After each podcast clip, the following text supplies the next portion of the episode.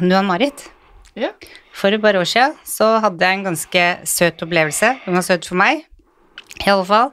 Men da kom det en mamma i salongen, superstressa, litt eh, sånn frustrert, med ei lita jente på sånn fire-fem år, og så sier hun 'herregud, du må hjelpe meg'. Datteren min har klippet seg sjøl, jeg veit ikke hva jeg skal gjøre. Og så så jeg på mammaen, så så frustrasjonen, og så så jeg på datteren, og så bare Herregud, så fin du er! sier jeg. For hun hadde klipt en ganske så perfekt asymmetrisk bob på seg sjøl. Baksiden var kanskje ikke det aller beste, men foran var bare sånn wow! Og så sier man nei, nei, nei, ikke si det, ikke si det, jeg har gjemt alle sakser. Hun kan jo ikke høre at det er fint. så jeg beklager, eh, du var veldig fin. så det er ikke alltid det går så gærent med selvgjort som det har gjort i koronatiden. Det er noen som bare har lag for det. Ja. Jeg kommer aldri til å glemme den jenta. Hun var altså så søt med den. Kanskje det er fremtidens frisør. Ja, og en litt sånn konkav lugg. Helt vilt fint. Passa veldig fint. Fantastisk. ja.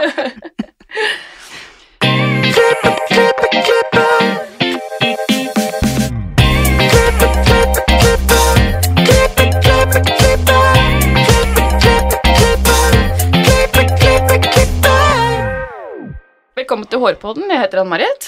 Jeg heter Renate. Eh, Ja, vi er jo i studio igjen for første gang etter koronaen. Det er vi. Det må sies. Ja. Veldig deilig. Veldig koselig å se folk igjen, annet enn stua og PC-en. Ja, rett og slett. uh, ellers så har vi vel snakka litt om vi skal børste litt støv av eh, Studio Alf Art Team. Få litt mer struktur. Veldig spennende. Og egentlig så tenker jeg at du kan fortelle litt om hva du planlegger, for du er jo lederen av Artim, og Ja. det må jo fram. Ja, jeg veit ikke hvor mye jeg skal si enda, men uh, jeg tror jeg sparer det til en annen episode. Rett og slett. Men bra blir det uansett, Ja, sånn som jeg kjenner deg, så blir det spennende. Ja, Det gleder jeg meg til, faktisk veldig. ja, så bra. Godt å høre. Way to go, Ann-Marit. Men vi har jo med oss en gjest i studio også. Og dagens gjest har jobba en årrekke for Adam og Eva. Han har reist og bodd over hele verden og jobba med spennende oppdrag. Vi gleder oss veldig til å høre mer om denne mannen. Velkommen til oss, Cato Stenerud. Takk skal du ha. Så stas at du ville komme på Hårpodden. Ja, jeg syns det er et utrolig bra initiativ, og veldig morsomt å følge med dere. Så det ble bra. Takk. Tusen takk. Kan ikke du starte Hvordan starta din frisørkarriere? Eh, Min frisørkarriere starta egentlig med at jeg ikke fikk lov til å være frisør av moren og faren min, fordi de syntes ikke at folk med gode karakterer skulle bli frisører, for det var bare i gåseøyne dumme folk som ble frisører.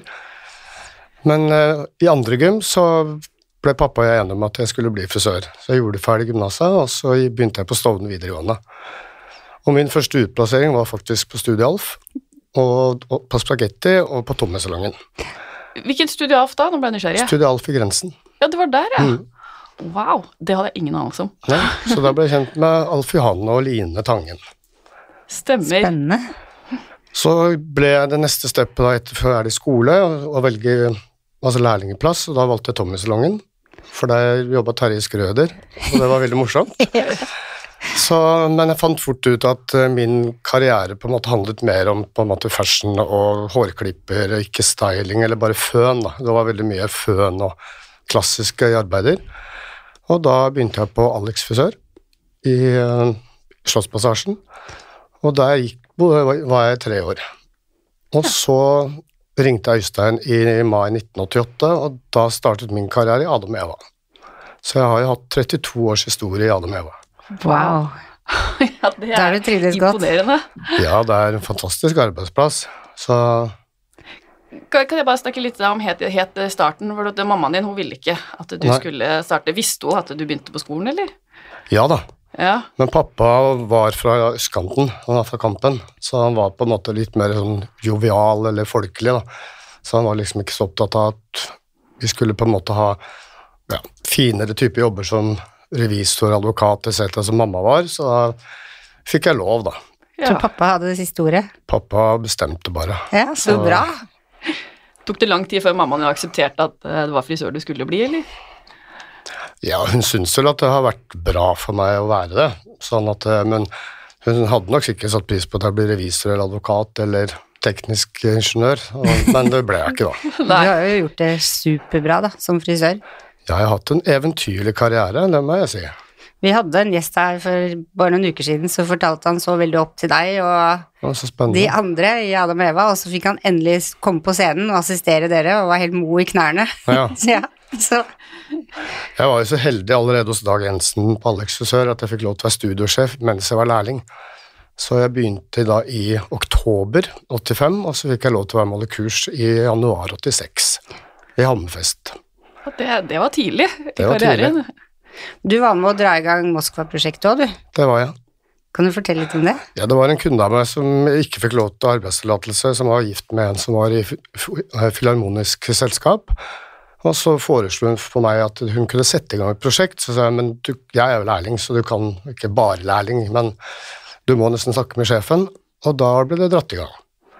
Så, men jeg sluttet akkurat på nippet når de skulle reise over til Moskva, da. Så da tok jeg sjansen og hoppa rett på Adam Eva. Og ikke angra på det etter 32 år, i alle fall. Nei, det har jeg ikke. Så Men du har jobba med kunder hele tida, eller har du Hva har din rolle vært i Adam Altså, min rolle startet allerede i Da jeg begynte i mai, så fikk jeg lov til å begynne på akademi allerede i september samme år. Sånn at jeg jobbet meg ganske fort opp den gangen, så husker jeg vel om det var Vella som vi jobbet med. Sånn at jeg jobbet vel i begynnelsen en 80% med kunder og 20% på akademia. Og etter hvert så jobbet jeg som akademis akademisjef, eller kreativ leder, og da ble det jo gjerne en 50-50. Og så fikk jeg på en måte snusen i et utviklingsprogram etter at jeg på en måte hadde fått liksom, skal jeg si for noe, øhm, tatt ut alle ambisjonene mine som stylist. da. For da hadde jeg jobbet i Paris, jeg jobbet i London, i New York, og Milano og Stockholm og i det hele tatt. Wow. Så begynte jeg på et lederutviklingsprogram som er ekstremt spennende, som mange av Adam Eva sine ledere har gått på, da, som heter Landmark Education. Så da begynte min reise som leder. Så for 14 år siden så da jobbet jeg bare én dag i uken. Og så er det jo en kjensgjerning, det er jo sånn som man bare må erkjenne som frisør, er at når, når man ikke trener, så blir man ikke flink.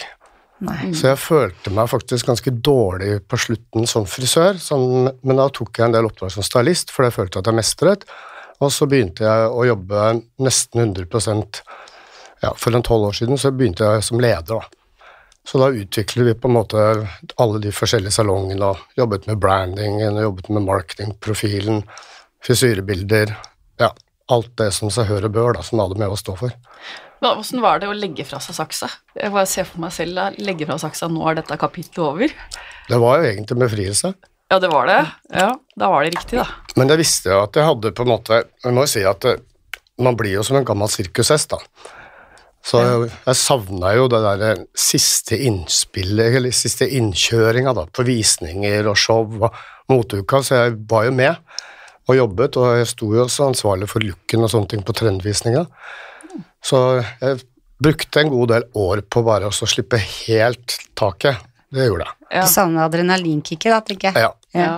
Jeg vet, Du har jo kunder som savner deg veldig, for jeg har en kunde som har gått hos deg i herrens år, og hun snakker så mye om deg. ja, det er hyggelig. Ja, Men jeg møter jo kunder på gaten den dag i dag, og folk er overraska at jeg husker de igjen, men det var jo kundene mine som gjorde at jeg fikk suksess, og at jeg var etterspurt. Ja. På Ja. det meste så hadde jeg faktisk åtte måneders venteliste, wow. så Oi! det var ganske Og det kan nesten ta livet av det. Ja, Det det ble liksom nesten for mye. Ja, Men man skal jo være takknemlig for at man har mye å gjøre, da. ja. For du drev NAF-huset. Ja, jeg kjøpte meg en i Adam Eva i 1990, så da kjøpte jeg Adam Eva i Storegaten, eller den gamle NAF-huset av Øystein.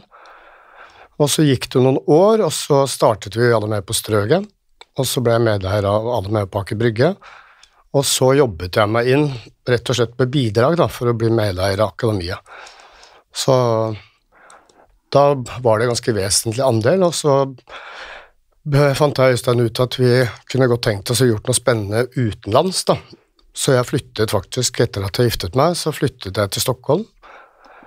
Men Adam Eva-navnet hadde ikke noe sånn good listening i Sverige, fordi der er det noe som ja, et selskap som heter Adam og Eva AB, som selger kondomer og le- sexleketøy, Det var har jeg liksom- sett faktisk på nett når jeg googla det. Ja. Og så er det noe som heter AD og Galleriaen, og så fikk jeg hjelp av en kamerat av meg som er AD i et reklamebyrå, så vi gjorde markedsundersøkelser, og så ja, jobbet hun bare opp som stylist. Og det var jo spennende nok i Sverige, det, men jeg hadde liksom fått nesten litt nok, da. For da begynte jeg å bli ganske voksen, og når man skal opp og frem i en sånn type sær industri som mote, så må du nesten klatre og vi har vilje til å ofre en god del, kanskje gratisarbeid i begynnelsen, og det orka jeg ikke i Sverige. Nei. Men da hadde jeg så heldig at eh, min gode venninne som da er redaktør av L, Petra, hun hjalp meg inn på svenske L, og så fikk jeg en god del oppdrag, og det greide jeg å livnære meg på. Og så jobbet jeg litt i en salong på Østermalm. Så, men jeg har ja, som uh, homofil frisør så har jeg et draplaster på litt voksne damer som er litt skrullete, så jeg hadde veldig mye finet fruer fra Østermalm som gikk hos meg, så det var ganske morsom epoke, det. altså. Hvor lenge jobbet du der? Jeg var der to år, og så fant jeg ut at uh, Johan, som jeg da var gift med, han ville ekspandere i forhold til språk, så han dro til Jamaica et halvt år, og da fant jeg ut at det, nå selger vi, og så flytter vi hjem. Så da begynte jeg på Adam Eva igjen. Ja. Og det også var en ganske spennende affære. da. Det var jo at når vi kom tilbake til Norge, så hadde jeg jo ikke noen kunder. Wow, men du fikk vel tilbake dine gamle Jeg, ganske det var jo kjapt? ikke Facebook på den tida, da. Nei, selvfølgelig. Så jeg måtte jo på en måte bare sette meg ned og ringe rundt til kunder som jeg visste ikke gikk der, og bare fortelle Altså sette ut et rykte da, at nå var jeg tilbake. Så det gikk ganske raskt, og så fikk jeg kunder igjen. Ja, godt å Men det var, det var ganske mye jobb da, for å få til det. Ja, det kan jeg tenke meg. Så må du være litt frekk. Ja, ja, man må jo det. Jeg må jo ringe til kunder og fortelle at jeg er tilbake. Jeg tipper de var veldig glad jeg for å høre at du var tilbake. Ja, det hadde mange som var takknemlige for det. Uh, du har jo bodd flere steder Ja. i verden. Hvilken andre steder har du bodd? Altså, Jeg vet ikke om jeg kan si at jeg har bodd i Paris, men jeg hadde ganske mye oppdrag i Paris som var ganske store. Så jeg jobbet Først og fremst så fikk vi oppdraget for uh, Varen-gruppen, eller Big Bock og Voice of Europe, Voice of Europe. Så jeg jobbet da sammen med Morten Kvale som st- hårstylist. da. Og da fikk vi mye oppdrag, så da fikk jeg hjertet mitt savne jo på, på en måte Paris. da, Det er, liksom, det er min by. Ja, det skjønner jeg. Og så har jeg bodd da, som sagt, i Stockholm i to år, og så har jeg bodd i Bangkok et helt år. Oi, jobbet du som frisør der òg? Nei, Hva gjorde du der? Ingenting. Så deilig! Så deilig, ja. Samla bare inspirasjon, sikkert, da, Jeg ble dessverre skilt, og det var litt eh, omfattende, sånn at jeg fant ut at jeg kunne ta litt sabbatsår. Da. Så da var jeg der et år og bare koste meg. Slappet av, bodde i jungelen og Oi, hvordan er Bangkok? Fantastisk. Ja? Ja. Men du må vite hvor du skal gå, du skal ikke gå der hvor turisten er. Nei. Så, og jeg bodde også nordpå i Thailand da, en liten periode. Og der fikk jeg lære å lage thaimat. Åh. Men dro du aleine, eller reiste du sammen med noen? jeg dro sammen med en venninne, og så ble det som sagt da et brudd i ekteskapet i Thailand. Så da Ah, campa jeg med bekjente, og så var Birger Løking, som nå driver Billis Bob, han var i Bangkok. Så vi var vel sammen en måneds tid, og så dro han hjem, og så ble jeg igjen. For da hadde jeg fått venner i Thailand. var det et bra år, sånn sett bort ifra? Ja. Ja. Jeg tror jeg hadde behov for å ta en liten break. ja, det hørtes skikkelig smart ut å bare Ja. være helt Ja, det var borte fra alt. Men så deilig å være borte fra alt når det stormer. Ja, det var jeg det. Og i dag så bor du i Oslo. I dag bor jeg i Oslo, og det som på en måte er litt min historie på at jeg den dagen da ikke akkurat jobber i Adam Eva lenger, eller jeg sluttet da i oktober i fjor, så derav liksom min passion for mat, da, jeg lærte å lage thaimat helt fra grunnen av. Så var jeg gift på Skarnes, og så kjøpte vi et stort herskapshus og begynte å lage catering og drev ja, kantinedrift. Ja. Så, og det på en måte å ha passion for noe, det er det viktigste. Og jeg hadde jo fortsatt passion for hår og passion for fashion og alt dette her. Og så skulle vi starte en virksomhet sammen, og det gikk ikke helt som det skulle, så jeg har solgt hus og flyttet tilbake til Oslo, så nå skal min på en måte nye karriere begynne, så det gleder jeg meg til. Hva tenker du at det skal bli? Jeg var jo litt inne på det når vi snakket innledningsvis om at jeg skulle komme og snakke med dere, Ja. om at jeg har en idé om at jeg tror veldig mange salonger kan ta litt behov for å få litt drahjelp når det gjelder både faglig innhold, og marketing, profilering, interiør. Og jeg har en ekstrem forkjærlighet for interiør og estetisk uttrykk, så har jeg vært involvert med å designe salongene våre i Adam Eva, annet Glassmagasinet, Aker Brygge, Nedersjås gate Sten og Strøm. Ja, you name it. Så jeg har vært involvert i alt uttrykket, da. Og min passion for dette her var at jeg leste sosialantropologi en sesong, og fikk en veldig forkjærlighet for på en måte å finne ut på en måte hva det er som gjelder, da. Og prøve å finne ut kampanjer fra Adam og Eva som kunne overraske og inspirere folk. Ikke nødvendigvis at jeg skal ha den looken, men like mye provokasjon. Så mange av kampanjene som vi har laget for Adam og Eva, har jo blitt omtalt i Fagbladet som uestetiske. Så vi fikk jo annet 200 kataloger i retur et år. Nei, det er sant? Ja, for vi lagde ganske dramatiske look, da. Med svart, svart pannelugg og hvit pannelugg, og så hadde de bob, da. Og da var det liksom min, Jeg er veldig sånn teknisk, teknisk frisør. Jeg liker å jobbe teknisk. Og da hadde de på seg bare sånne svarte bh-er i skinn, og du var ganske med Per Heimly den gangen, da. Så gøy. Og da fikk vi masse kritikk fordi at vi hadde forkjærlighet for at vi var veldig magre modeller og Så det vi gjorde da, som en på en måte appell eller provokasjon, eller hva man skal kalle det, så lagde vi en sånn Lano-reklame da, med bare sånn Sunshine California-modeller med frisk hud og blondt hår og veldig pen, da. Så fra den ene ytterkanten til den andre. Ja, virkelig. Ja, Men jeg googla jo det, og jeg så de salongene du snakker om, de er jo helt amazing. De er jo så rå. Har du sett til, Renate? Ja, jeg har sett det, og så Ja. tenker jeg at det du tenker er jo veldig tida nå, da, for det er jo ganske mange salongeiere som trenger drahjelp nå. Ja, altså, jeg kan ta et eksempel på liksom det konseptiøse, da. Det var at når vi skulle lage Sandvika Storsenter på nytt, da, så var det en knall rosa og egentlig ganske skal jeg si, for noe litt hissig uh, i uttrykket. Så fant vi ut at for at de ansatte skulle på en måte i et stort senter da, hvor det er kjempetrykk, så lagde vi en Zen-salong som var veldig inspirert av Japan. Så da kan du stille med sitte og vente på timen din, så er det sånn sandkasse med sånn bonsai-tre, og du kan sitte med en rake, da. Og så Og så får du te i litt sånn keramiske kopper og sånn fra Japan, da. Wow. For da kan du få roe seg ned i sånn såpass eh, pressa miljø, da, som er på et storsenter. Det er fantastisk. Jeg vet, selv så jobba jeg tre, over tre år på Alex på Oslo City. Ja. Og med det trykket og den kjempehøye musikken og alt som skjedde rundt på, Mm. så hadde sensmiljøet bare vært helt fantastisk. Ja, altså det gjør at du på en måte arbeidsdagen kanskje blir litt, selv om man er litt pressa i tid, etc., da. Så er det ro rundt deg. ja. Mm, kjempeviktig. Men du er jo også coach. Jeg er utdanna coach, ja. Ja. Hva Kan du fortelle eh, noe om det? Ja, dette Landmark-kurset som jeg snakker om, kan du si at jeg er uautorisert coach, det er ikke noe lisens på det. Men eh, det er noe som heter Self-Expression Leadership Program. Da. Så det starter på en måte med et kurs som handler om å se på deg selv i fortid, et kurs som handler om å se deg selv i framtid, og et rent kurs som ren lederskap. Da. Ah, Så da setter du opp et prosjekt, og det prosjektet som jeg da fanget opp som i sin tid, for jeg er også medlem av Intercoiffure, det var en gjeng Intercoiffure som eh, gjerne ville starte det man kaller for kopi av liksom, Gullkammen og Heders of the Year i England.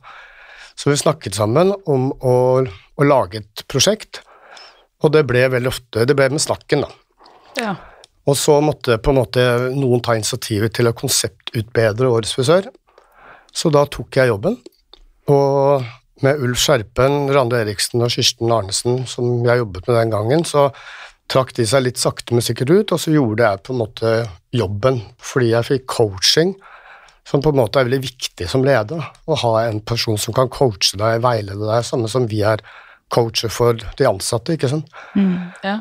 Så da ble Årets frisør en start, og da hadde vi vel en 250-300 mennesker til bords på Oslo Plaza. Og blant annet så fikk vi med Serina Middelfart, som den gang er vel til å dele ut pris, og Synnøve Svabø, som var konferansier. Og så er jo på en måte resten history Årets frisør, da. Dette tok jo da forbundet under sine vinger. Så det ble på en måte presentert som et prosjekt da på landsmøtet, og så sa de at dette tar vi. Og så har de fått med seg leverandørforening som sponsor. Så fantastisk. Så du var med helt fra starten på Årets frisør? Ja, jeg gjorde en høring da, som jeg hadde på alle med kontoret, og da kom eh, veldig mange store, dyktige frisører som eide forskjellige salonger. Da. Og da var Tove Rige eh, Hun var da direktør, eller hva man, general, eller hva man kaller det for, for forbundet. da. Ja. Så tok hun med prosjektet, for det var jo på en måte en blekke med på en måte et konkret sortiment i forhold til årets herre, dame, styling etc. Ja. Og det ble presentert på landsmøtet i forbundet, og så klubba de det inn som et prosjekt, og siden så har det på en måte historie, da. Ja, det er jo kjempestort i dag, liksom. Det, Det er Ja, altså- frisørenes eh, Oscar her, syns jeg. Det er det jeg gleder meg mest til nesten i løpet av et år. Men jeg kan jo fortelle litt om bakgrunnen for det, da, fordi det kan være interessant for mange av de som lytter på dere. Ja. gjerne. Det var jo det at den gangen som vi begynte med dette, så hadde vi på en måte to forskjellige leire i frisørbransjen. Du hadde de kule London-frisørene som til og med flagga at man ikke skulle ta sendebrev, noe som er helt, veldig utidig. Jeg tror jeg jobba for en. Ja, jeg òg. Ja. Og så hadde vi på en måte den franske øh, fløyen, da, som på en måte var hot coiffure og frisering og konkurransefrisering etc. Og vi snakket ikke sammen. Nei. Det var rett og slett et hovmod mot hverandre, for de syntes at vi var altfor uh, altså kalle ekspansive og gærne, mens vi syntes at de var dritkjedelige. Og da endte det med til slutt at vi fant ut at formålet da, var at man definerte at dette skulle samle bransjen på en ny arena. da, Sånn at man kunne rive ned mellom den franske og den engelske kulturen, eller London-kulturen. Og det føler jeg at det har lykkes, for det, den gangen så var kvaliteten på frisyrbildene en helt annen enn den er i dag. Ja. Mm. Og det er mange som har gjort fantastiske arbeider, og masse fotografer som har rett og slett også kommet seg opp og fram med å jobbe sammen med dyktige frisører. ja. Så, Der, du, der gjorde du bare noe kjempestort. men det var god hjelp av mange. Jeg skal ikke ta æren for at det er min fortjeneste alene, det skal jeg absolutt på ingen måte gjøre. Så det var mange som sto på, og det var jo på en måte et eh, Team. Si, ja, team, ja. Men det høres Wow. ut som du har eh, hatt eh, flere liv i ett her. du har gjort så mye. Ja, En venninne av meg som sa til meg at du har ikke mange liv her det du egentlig har levd av, men det har gått veldig unna. Ja. Så det på en måte å så bryte opp av et ekteskap for andre gang og flytte tilbake til Oslo har gjort at jeg på en måte er nødt til å finne en annen type ro, og nå begynner jeg på en måte å bli klar for å sette rett og slett armene i sida og brette opp armene litt igjen og komme i gang. Kan man Men jeg må bare spørre deg om en ting. Når du, du er jo så glad i å lage thaimat. Mm. Har du tatt fotoshoot av maten? Ja da. Du, det har jeg sett én gang, og jeg, var, jeg har aldri vært klar over hvor omfattende det er. Men det er jo like omfattende, om ikke mer, med, enn med hår og makeup, egentlig. Å lage mat, ja. Ja, Og ta bilder av det og presentere det i sånn, blader. Ja, ja, ja. Det er, jo en helt vill prosess. Ja, det er jo egne fotografer som kun jobber med mat. Ja. Så Men vi lykkes med den virksomheten nå. Jeg er litt sånn Når jeg går inn for noe, så går jeg all in. Så jeg følte at den derre mellomvernet mellom det på en måte å sitte som leder av Adam Eva, og ansvarlig også på et tidspunkt også på barn for barn, to barn, på 30 og 40% tid, så ble det å på en måte forene liksom Oslo og pendlervirksomheten og drive en restaurantvirksomhet og ekspandere der, så tenkte jeg nei, vi går all in for det. Og så skal det seg. Men det går fint. Ja, det er bra. Men er det sånn at vi kan eh, si at uh, salonger som trenger hjelp nå, kan kontakte det? Ja, jeg kommer til å legge ut en presentasjon ganske snart, men det er ikke helt konkret ennå. Men det er klart at eh, de som ønsker eventuelt å finne meg, de finner meg jo på Cato Carpo på Facebook, så henvendelser tas imot med glede. Gjelder det coaching òg? Ja. Ja. Tar du da grupper, eller tar du én til én, eller? Altså konseptet som vi har gjort i Adam Eva-systemet, da, eller når jeg sier vi, jeg sier fortsatt vi, da, eh, var at eh, alle ledere fikk eh, tilbud, eller var egentlig pålagt å komme til coaching. Og da handler det på en måte å finne ut hvem, hva, hvor, når, hvorfor etc. Så går man i dybden av på en måte hva som eventuelt trigger deg, hva som frykter deg, hva du er redd for, og eventuelt hva det er som kan gjøre at du vokser og kan ekspandere med andre mennesker. Og det er en ganske omfattende én-til-én-samtale. Ok. Men når det går på grupper, så kan man jo på en måte bruke gruppedynamikk. Og de faktorene som vi brukte, da, eller Adam Meva Eva brukte på den tiden, var jo at vi satte en standard i ledelsen, på en måte hvordan ting skulle være. Så ble dette presentert for en mindre gruppe ledere, og så ble det en anerkjennelse for at dette var en overensstemmelse, at dette er det vi sier ja til. Og da er det sånn håndsopprekking. Enten så sier du ja, eller så må du fortelle det nå. Du får ikke ny sjanse til å takke nei etterpå. Dette hvis vi bestemmer f.eks. at vi ønsker f.eks. en utvikling på lærlinger, og alle er enige og flagger inn noe, så er det en overensstemmelse. Og det er på en måte en sånn gruppedynamikk, da. Og det blir styrka samla, for da er man enige om noe. Mm. Og det er jo et demokrati. Det er ikke sånn at uh, man jobbet med å trykke ting nedover halsen på folk i form av liksom dette er et direktiv. Det ble presentert, og så ble det klappa inn blant franchisetakere først, og så blant ledere. Så det er på en måte en gruppecoaching, da. Ja. Unnskyld. ja, det går veldig fint. Ja.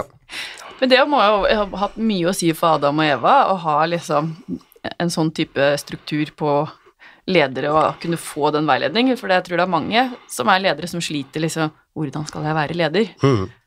Så ja.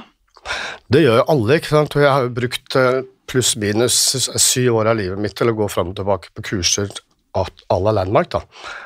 Men jeg søkte alltid mot noe som gjorde at jeg på en måte fikk eh, Hva skal jeg si for noe? At jeg fikk en utvikling sånn rent mentalt og styrke meg og på en måte var veldig nysgjerrig på nye ting. Og det er klart at det styrker også på en måte en ledergruppe, da. Mm. Og, det er veldig bra driv. Ja, og da påvirker det igjen selvfølgelig nedover i systemet, og blant annet så er det oppnevnt én representant i Øyademø-systemet som ene og alene supporter lærlinger på én-til-én-coaching. Ja, Så i stedet for at de da kommer på skolen og på en måte noen ikke følger med, eller noen sitter der, så får du oppfølging i det øyeblikket du får lærlingeplass, da. Jøss, yes, det er kjempefint. Uh, har du noen tips til unge frisører som vil opp og fram? Ikke gi deg. Det er bra tips. Virkelig. Så kan du si at eh, det som kanskje er viktig for, for å se på en måte karriereløpet sitt som frisør, da, så må man nesten finne ut om man vil f.eks. bli konkurransefrisør, og bli stylist, hårstylist, eller hva man måtte være. Og det de fleste går i fella med, det er jo på en måte å kaste seg inn i noen ting uten kompetanse. Så tipset mitt, hvis man vil f.eks. bli hårstylist, da, så må man på en måte sannsynligvis jobbe en god del ja, Ikke akkurat gratis, men for kanskje en litt eh, mindre sum penger. da. Og da må du finne en stylist som er på toppen, som du kan supportere. Og det å da finne fotografer som er på din alder, stylister som er på din alder, modeller som på en måte man kan vokse med, og teste ut fotoshoot og teste ut ting, i stedet for på en måte å hive seg inn i noen ting som tror at man kommer på toppen, for det kommer en ny generasjon. Og når jeg sluttet som stylist, så kom jo Birger Løking, og så kom Eirik Thorsen, og Harlem Alexander og alle disse som vi kjenner godt, da. Mm. Mm. Og de har jo gått gravende, de òg. Mm. Og så er det litt det at hvis man brenner for å være en salongfrisør, så finn uttrykket ditt, og finn passionen din som frisør. Er du herre du brenner for, så for guds skyld, finspiss det. Hvis det er langt hår du brenner for, så kjør på, liksom.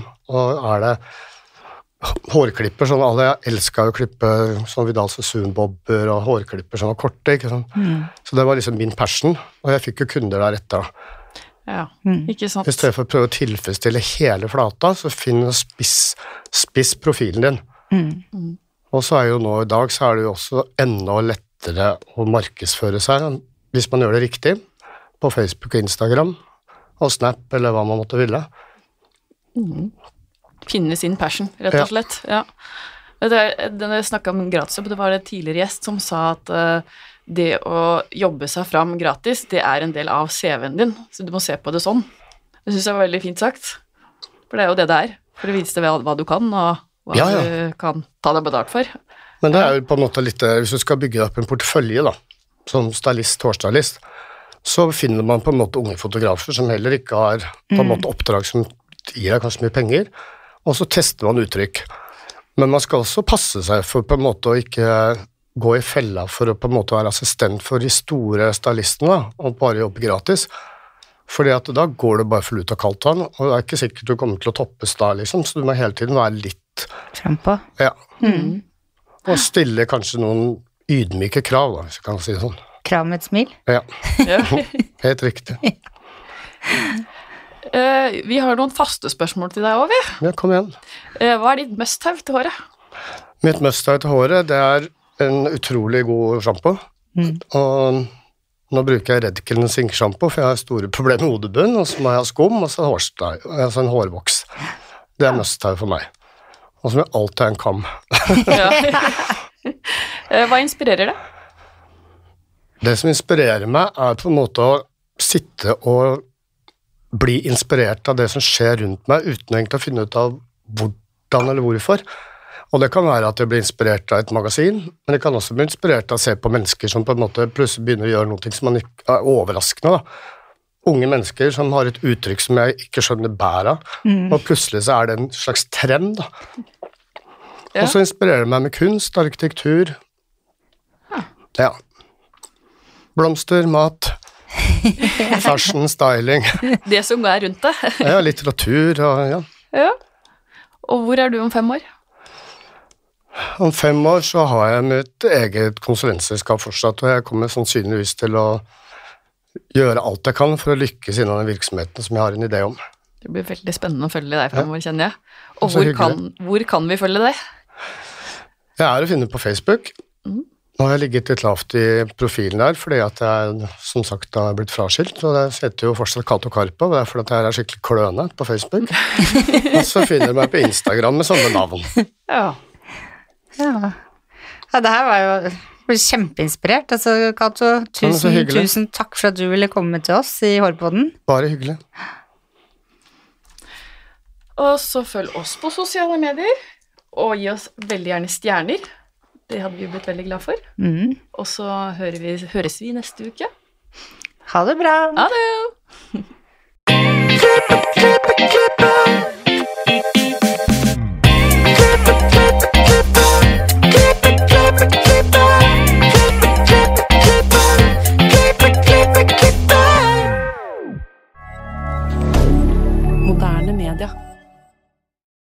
Har du et enkeltpersonforetak eller en liten bedrift? Da er du sikkert lei av å høre meg snakke om hvor enkelt det er med kvitteringer og bilag i fiken, så vi eh, gir oss her, vi.